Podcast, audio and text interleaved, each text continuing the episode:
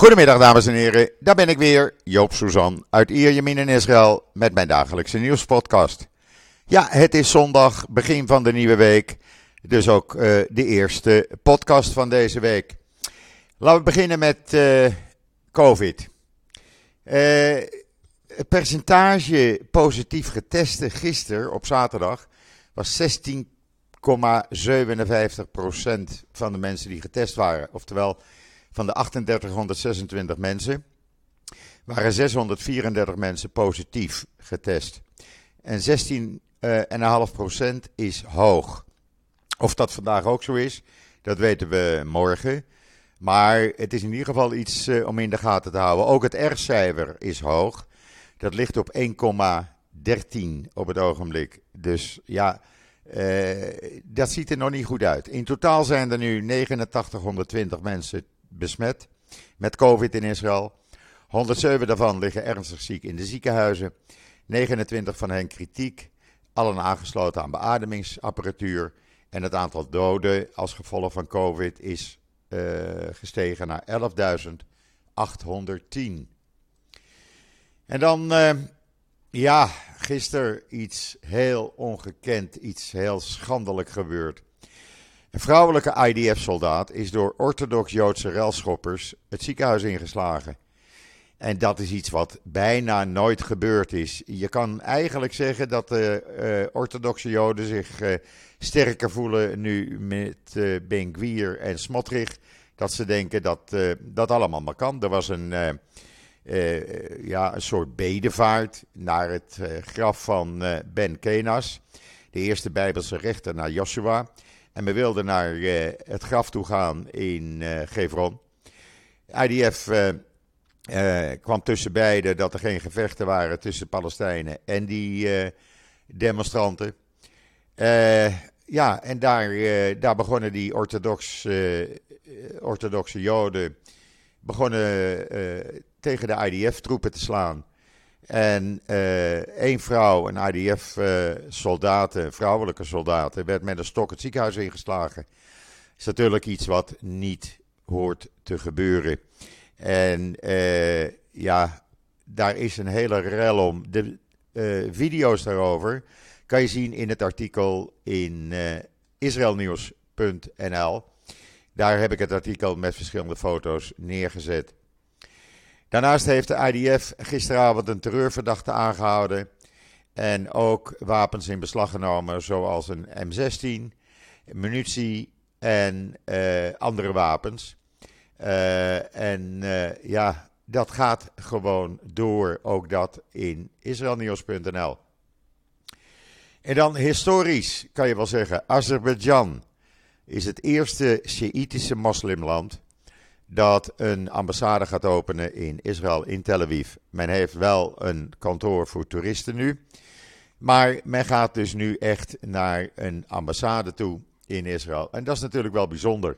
Ook dat kan je lezen in uh, israelnieuws.nl. Een Shiïtische moslimregering die in Israël een ambassade opent. Ja, ze zijn de eerste en hopelijk zijn ze niet de laatste. En dan de chef van de generale staf, uh, generaal Kogavi, die zit voor een laatste bezoek in Amerika. Daar is hij naartoe gegaan. Uh, hij uh, treedt binnenkort af in januari. Dan zit zijn termijn erop, ook zijn verlenging zit erop. En hij is dus nu voor een laatste bezoek bij zijn collega in Amerika. Hij is bij andere generaals. Hij is bij de minister van Militaire Zaken in Israël, in uh, Amerika. Uh, ja, dus hij is nogal druk daar. En ja, het is jammer dat hij, uh, dat hij aftreedt. Maar goed, er komt een goede voor in de plaats. Althans, als de nieuwe regering, want dat schijnt ook te werken, dat de regering Netanyahu besluit om de net benoemde nieuwe uh, stafchef uh, om die, uh, ja, hem, uh, hem de benoeming te niet te doen en zelf iemand te gaan benoemen. Want ze willen ook de procureur-generaal veranderen. Ik heb daar gisteren een artikel over gemaakt. Want er gebeuren hier dingen die gewoon niet kunnen.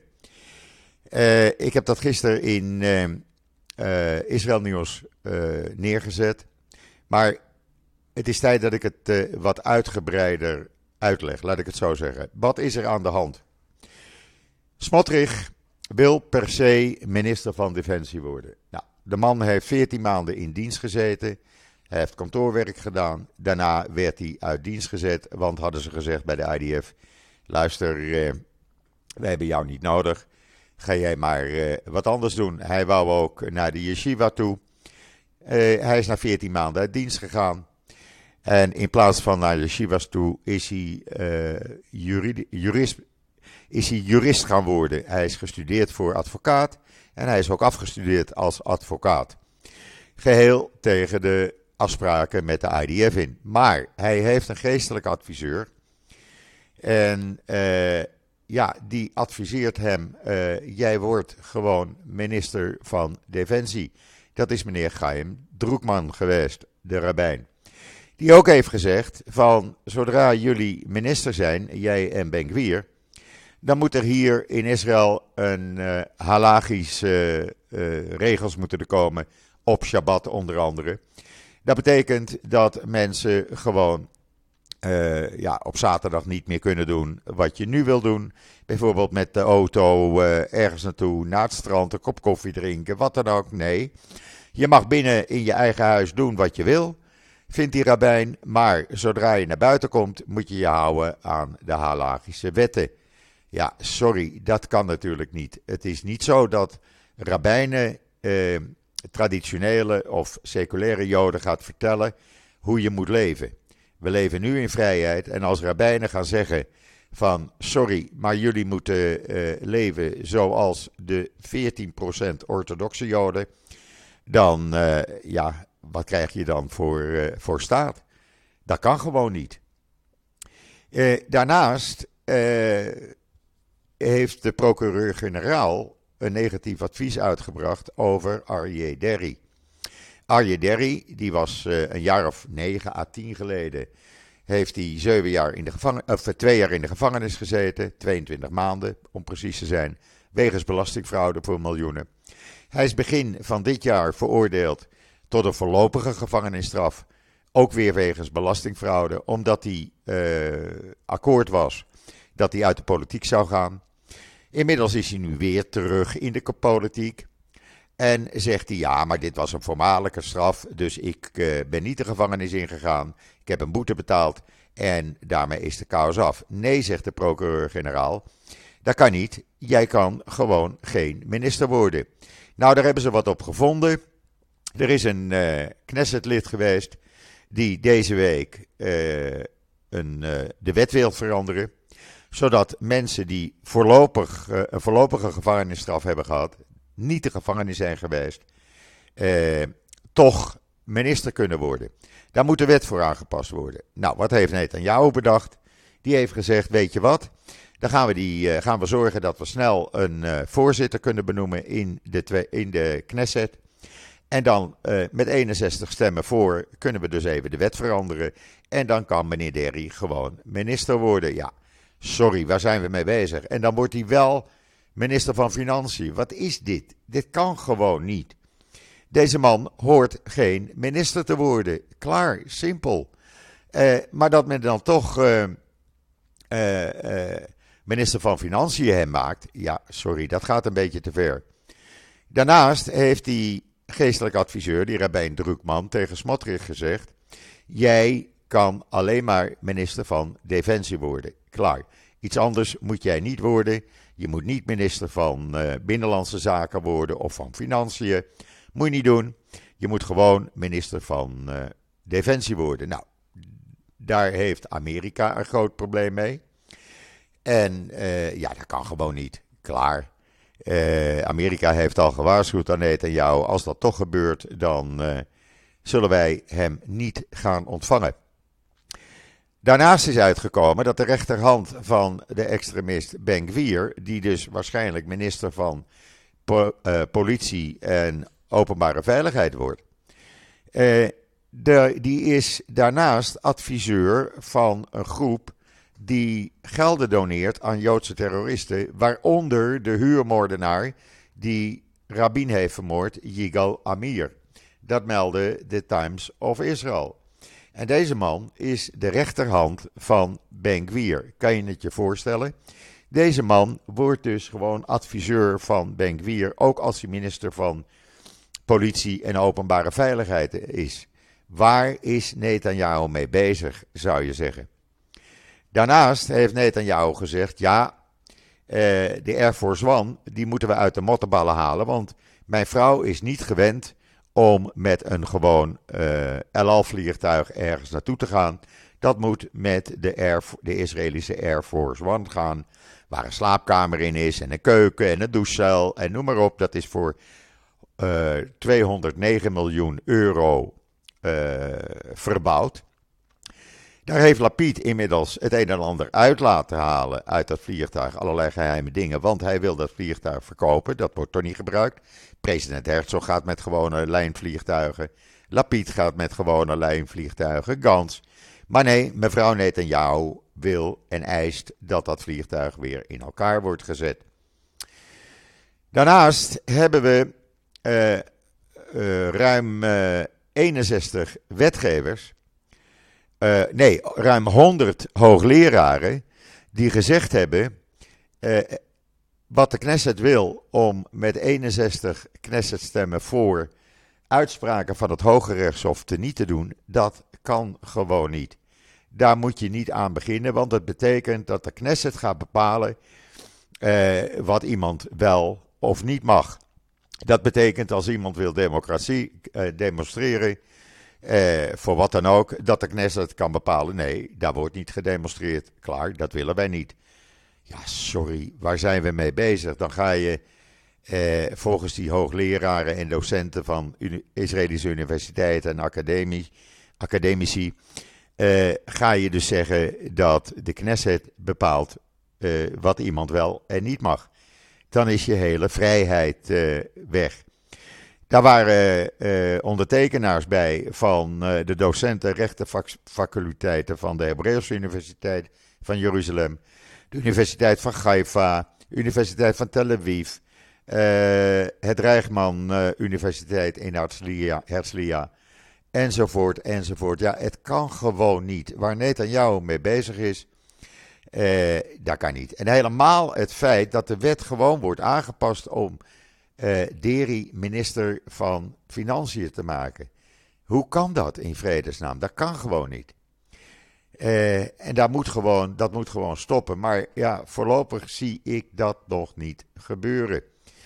Kijk, het hele verhaal is eigenlijk heel simpel.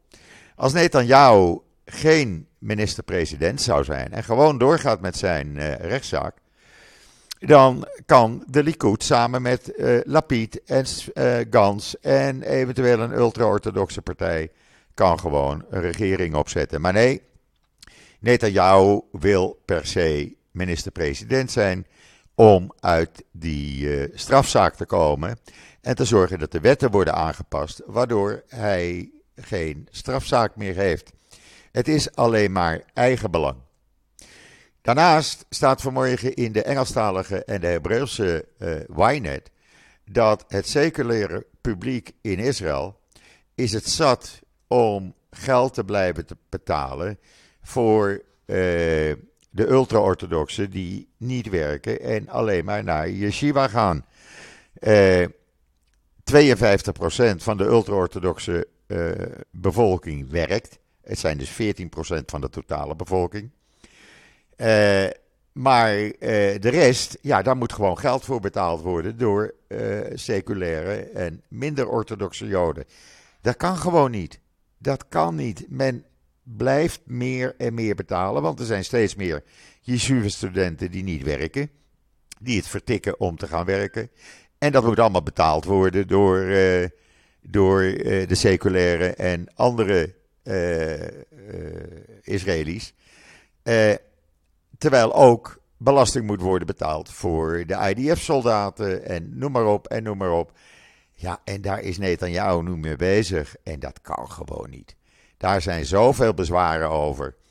En uh, daarnaast heb je 56% van de Israëli's denkt dat uh, Smotrich en Deri niet geschikt zijn om als minister te fungeren. 56% van de Israëli's, dat is hoog. En dat is vanmorgen bekendgemaakt door de Engelstalige Jeruzalem Post. En als dat niet kan, dan moet Netanyahu stoppen met uh, zijn zin doordrijven om deze mensen minister uh, te laten worden, want men wil dat niet. Dan hebben we nog vrijdagavond gehad dat de bodyguard van Bank 4 is aangevallen door Israëlische settlers. De man ligt nu in het ziekenhuis, dat is een regeringsbodyguard. Er gebeuren dus allemaal dingen die voorheen in het verleden nooit gebeurden. En uh, ja, uh, dat gaat gewoon niet goed hier in Israël. Echt niet. En er zijn, uh, ik heb dat donderdag in de podcast met Esther Food ook gemeld. Er zijn zo'n 12% Israëli's die al voorbereidingen treffen om naar het buitenland te vertrekken, eventueel. En uh, er is 38% die eraan denkt. En dat tekent veel. Dat, dat betekent dat mensen het vertikken om in een dergelijke klimaat te werken hier in, en te wonen in Israël. Als rabbijnen gaan vertellen wat je wel en niet mag. En dat kan gewoon niet. Nu is het zo dat er één week van de uh, zes weken die Netanyahu heeft om een regering in elkaar te zetten om is. Hij zet alles op alles op dit moment. Uh, hij probeert, hoe dan ook, om zo snel mogelijk een uh, voorzitter van de Knesset te benoemen. Dan kan hij al die wetten gaan veranderen. Ja, sorry, op deze manier maak je geen democratie meer. Maar wordt het echt een soort Iran. We gaan kijken welke kant het op gaat. Maar het gaat niet goed, mensen. Uh, Trump, die mocht weer terug naar Twitter. Maar Trump heeft de Joodse Republikeinen gisteravond verteld dat hij niet teruggaat naar Twitter. Nou, dan niet. Het staat in de Times of Israel. En dan een bericht voor mevrouw Kaag. Ik zou nog maar eens wat geld naar meneer Abbas sturen. Maak nog meer over naar de Palestijnen. Meneer Abbas is met een heel groot entourage naar Qatar gegaan om de voetbal bij te wonen. Dat kost honderdduizenden dollars. En eh, daar zijn de Palestijnen des duivels over. Maar inmiddels zit hij dus in Qatar. Hij kijkt vanavond, uh, is hij bij de voetbalwedstrijd, de openingsvoetbalwedstrijd van Qatar. En hij spendt gewoon honderdduizenden dollars in hotels. Uh, terwijl mevrouw Kaag geld blijft overmaken. Ik zou, eh, als ik Nederlander was, daar iets aan doen. En dan is er nog iets gebeurd wat eigenlijk voorheen niet voorkwam. Maar ja, we hebben nu Benkwier en Smutsrich. Wat is er gebeurd? Rabbi Baruch Marzel, de opvolger van de extremist Meijer Kahan, heeft legerreservisten, orthodoxe legerreservisten, lesgegeven over de geschiedenis van Gevron. Daar is een rel uit voortgekomen. Hij wou meer lessen gaan geven. Mag hij niet meer van de IDF. Want dit is zonder toestemming gebeurd. Hoe bestaat dit in vredesnaam? Er gebeuren allerlei dingen die voorheen nooit gebeurden. En dat maakt het in Israël moeilijker en moeilijker. Voor, uh, laten we zeggen, gewone mensen. Daarnaast maakt uh, Haaretz bekend. Even een slokje water dat 30 Palestijnse families bericht hebben gehad dat ze hun huizen moeten verlaten in Oost-Jeruzalem, terwijl ze in 1980 documenten hebben gehad van de Israel Land Administration dat het land aan hun toebehoort. Hoe zit dat? Nou, dat zit hem ook weer in de heren Smotrich en Ben-Gvir. Eh, Orthodox-Joodse organisaties, settler-organisaties denken dat alles nu mogelijk is. Dus uh, ja, dan gaat dit ook gebeuren. Uh, zo zie je maar dat er al van alles hier, uh, hier gebeurt. En dan heeft meneer Trump gezegd gisteren op die bijeenkomst van Joodse Republikeinen. dat als hij herkozen was geweest. had er al lang een diplomatieke betrekkingen, diplomatieke betrekkingen tussen Israël en de Saoedi's geweest. Hoe hij dat voor elkaar zou hebben gekregen, weet ik niet. Maar hij heeft dat wel gezegd. Dat staat in de Times of Israel. En dan Teheran. Het gaat maar door, mensen. Die uh, is akkoord uh, om Rusland te helpen. Om in Rusland die explosieve zelfmoorddrones. die ze nu leveren aan uh, Rusland. om in, Iran te, in Oekraïne te gebruiken. om die zelf in Rusland te gaan bouwen. zij geven alle gegevens aan Rusland. en gaan Rusland helpen om in Rusland zelf die zelfmoord raketten te gaan bouwen. Het is een rare wereld, mensen. Het wordt steeds gekker. En wat ook gek is, of gek, vandaag of vanmorgen is om bij 11 de eerste commerciële chartervlucht van Israël naar Qatar vertrokken, uitgevoerd door de Cyprusche uh, luchtvaartmaatschappij TUS Airways. En uh, die gaat morgen ook en de komende dagen ook, terwijl er geen diplomatieke betrekkingen tussen Israël en Qatar is. Maar het kan, want er gaan zo'n 10, 15.000 Israëli's naar de voetbal toe. Uh, die kunnen dus gewoon voetbal gaan kijken. Ja, of ze het daar gezellig hebben, dat zal de komende tijd gaan uitwijzen. Maar in ieder geval, de eerste vlucht is vertrokken. En dan heeft de New Yorkse politie twee mannen opgepakt met hun wapens en explosieven. die het gemunt hadden op Joodse instellingen en synagoges in New York. Ze hebben onder andere Glock-pistolen uh, uh, gevonden, 17 stuks. En uh, automatische geweren. Ze hebben nazi-armbanden gevonden. nou ja, alles en nog wat om aanslagen te plegen. Messen explosieven. Ze werden gepakt bij het Pennstation uh, in Manhattan en zitten nu vast. Er zijn nog meer waar ze naar op zoek zijn, want het is niet kosher voor de Joodse gemeenschap in uh, New York. En dat is ook zo raar. Steeds meer antisemitisme. Ik ga daar later deze week met iemand over praten. Op donderdag zal dat zijn. Ik zeg nog niet wie hele bekende Nederlander over antisemitisme in Nederland. Want ook in Nederland gaat het uh, niet goed en daar moet dus ook iets tegen gedaan worden.